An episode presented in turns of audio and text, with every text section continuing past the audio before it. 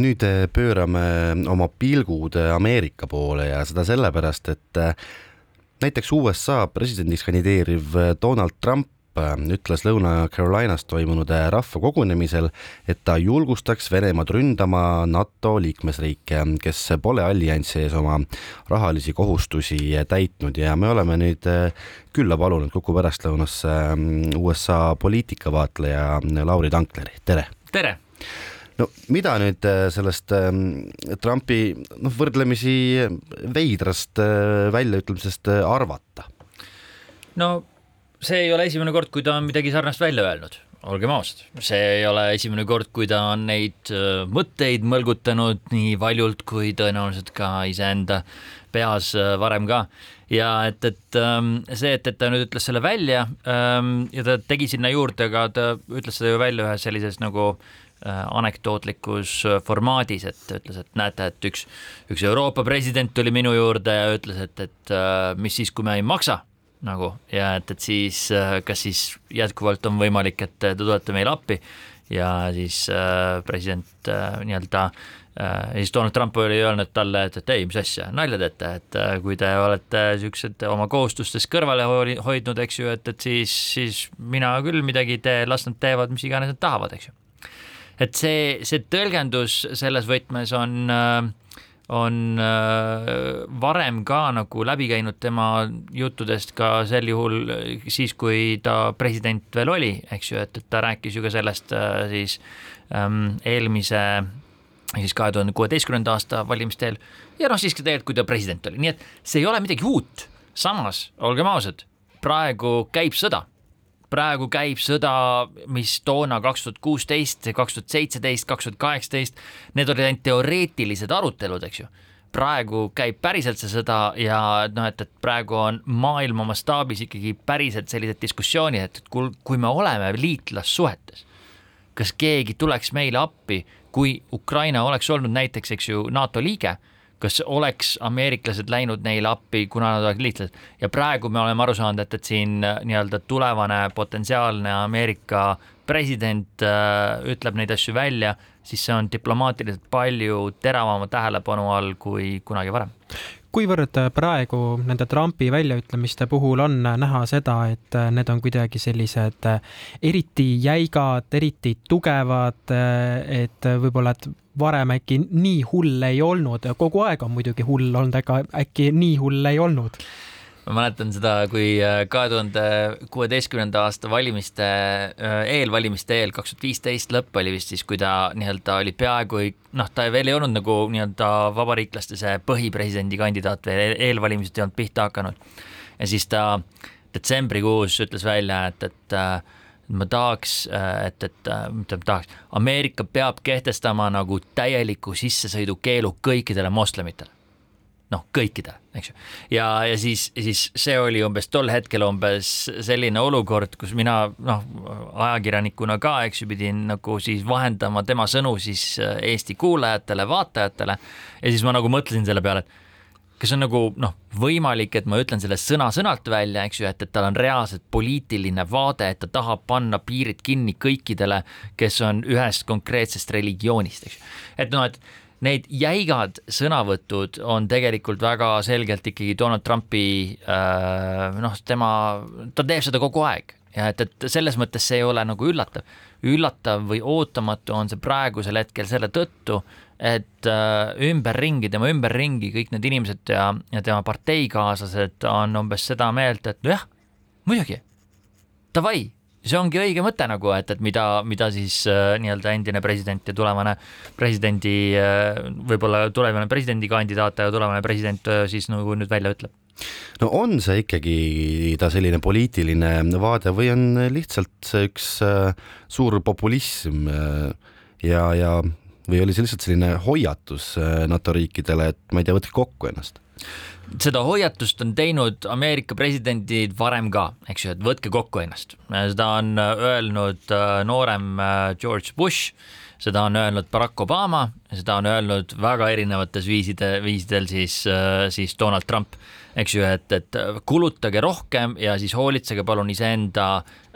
julgeoleku eest ja see tegelikult on täiesti mõistlik viis, kuidas seda nagu teha, eks ju, et, et olgem ausad, Euroopa riigid on kulutanud nii-öelda oluliselt vähem äh, nii-öelda kaitsele võrreldes ameeriklastega. Euroopas kaitsetööstus kiratseb, eks ju, isegi praegu, kui nüüd on viimase kahe aasta jooksul tõstetud igasuguseid kaitsekulutusi ja, ja noh, suudetud nagu panna seda uuesti tööle. see ei ole piisav selle jaoks, et tegelikult kaitsta Euroopa piire. nüüd see, millise nii-öelda tekstiga keegi seda välja ütleb, siin tekivad juba nagu sellised suured küsimused, eks ju. et, et mis mõttes nagu, et, et sa kutsuksid üles Venemaad päriselt ründama. tegelikult ta ju noh, nii-öelda tahab edasi anda ühte sõnumit ja see sõnum on siis see, mis on nagu olnud ka varasemalt ameeriklaste sõnum ja millega ta tegelikult nagu kajastab sellist tavapärast Ameerika konservatiivse valija hoiakut. miks meie ameeriklased, miks meie tavalised ameeriklased peaksime äh, sõdima mingisuguste eurooplaste eest või Lähis-Idas või ma ei tea, Koreas või Jaapanis või hiinlaste vastu või kus iganes, eks ju. miks meie peame seda tegema samal ajal, kui meil hinnad tõusevad, meil on inflatsioon, meil on nagu väga raske elu enam-vähem ja et, et miks meie peame siis rahastama kogu seda värki, et, et meie lennukikandjad on kuskil Vahemeres või noh, kuskil Hiina juures, eks ju. see on täiesti tavapärane suhtumine, see suhtumine muuseas oli see, mis viis Donald Trumpi presidendi ametisse esimesel korral ka me oleme siin rääkinud äh, Trumpist, aga räägime natukene ka sellest, mida mõtlevad demokraadid. ehk siis, äh, kuivõrd äh, on see võimalik, et Joe Biden ei kandideeri järgmiseks presidendiks, et mida siin demokraadid mõtlevad, et missugused protsessid seal erakonnas praegu käivad? no seal erakonnas käivad praegu tegelikult täiesti tavapärased sellised ametis oleva presidendi äh, kuidas ma ütlen, siis äh, kroonimise äh, protseduurid enam-vähem, et, et keegi temale kon konkurendiks äh, kandideerima ei ole tulnud äh,. tema läheb jätkuvalt rahulikult edasi, kõik, kes on hääletanud, mitte kõik, aga noh, suurem osa, kes on hääletanud eelvalimistel, on hääletanud tema poolt. demokraadid on tema selja taga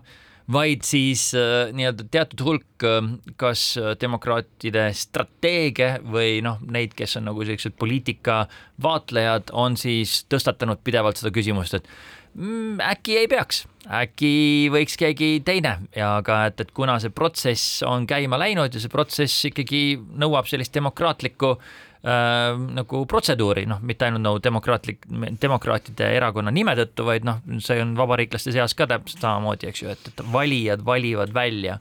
kes võiks olla nende esindaja selles erakonnas. ehk siis demokraatide puhul me näeme seda, et keegi ei ole nagu kuidagi tõstatanud seda küsimust, et ehk oleks aeg anda võimalus mõnele nooremale ja kõbusamale? seda on tõstatatud korduvalt korduvalt on tõstatatud, lihtsalt keegi ei ole nagu nii-öelda võtnud seda ette, et hakata konkureerima Joe Bideniga ka sisevalimistel. kes see võiks olla? see peab olema keegi, kellel on nagu olemas natukene suurem tuntus kui ainult oma osariigis, ehk siis see peab olema keegi, kes on üleriigilise tuntusega demokraatide hulgas ja kes kannaks ka mingisuguseid selliseid ideaale, mis suudaks äh, nii-öelda äh, demonstratiivselt nagu näidata välja, et ta suudab Donald Trumpile ära teha. aga sellist inimest praegu ei näi olevat? sellist inimest paistab, et ta ei näi olevat, sellepärast muidu me oleksime teda juba näinud, muidu ta juba kandideeriks tegelikult äh, Joe Bideni vastu ja noh, muidugi me võime ju spekuleerida, mis siis saab, kui ühel hetkel Joe Biden ühel hetkel otsustab ikkagi, et äh, noh, ma ei tea, veebruaris,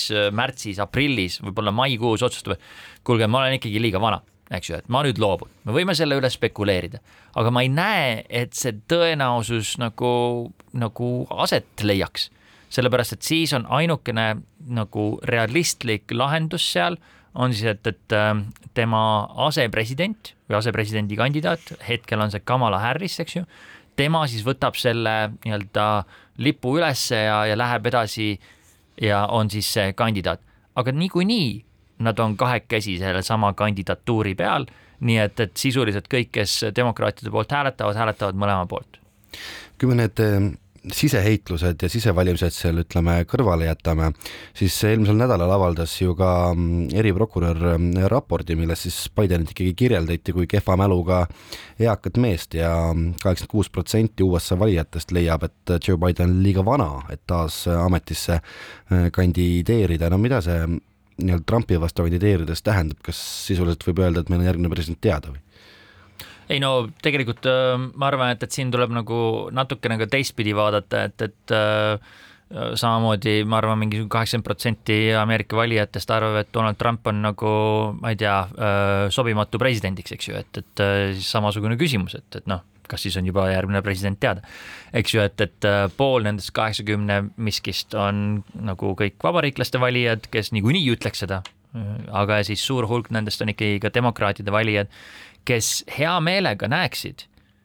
et keegi teine võiks olla nagu noorem ja, ja särtsakam ja, ja, ja tugevam tegija, aga äh, Ameerika presidendivalimiste kontekstis on äh, nagu jätkuvalt kehtib selline äh, põhimõte, et äh, demokraadid hääletavad demokraatide poolt ja vabariiklased hääletavad vabariiklaste poolt äh,. kas nende presidendikandidaadiks on Nikki Haley või Kamala Harris või Donald Trump või Joe Biden, et, et siis demokraadid demokraatide poolt ja vabariiklased vabariiklaste poolt. nüüd küsimus on nüüd selles, kui palju demokraate tuleb välja valima ja kui palju vabariiklasi tuleb välja valima. kui põhimõtteliselt öeldakse, et, et jah, ta on liiga vana, et kandideerida, aga ta kandideerib ikkagi, siis sa ikkagi lähed tema poolt hääletama, puhtalt selle tõttu, et vältida vastaspoole võitu, eks ju. Ja et, et see, see, see suhtumine, et noh, meil on siin Eestis ka poliitilised jõud enam-vähem, me võib-olla ei nõustu nende mingi juhtidega, eks ju aga lõpuks, kui me oleme lojaalsed mingisugusele erakonnale või ideaalile, siis me nii-öelda neelame selle alla, et võib-olla noh, tõesti äkki äh, Kaja Kallas või Lauri Läänemets või, või, või, või Martin Helme ei ole minu lemmikud, eks ju, aga ma olen nende poolt. ja see on täpselt samasugune asi, mis toimub siis Ameerika valijate hulgas ka. Lauri Tankler, aitäh sulle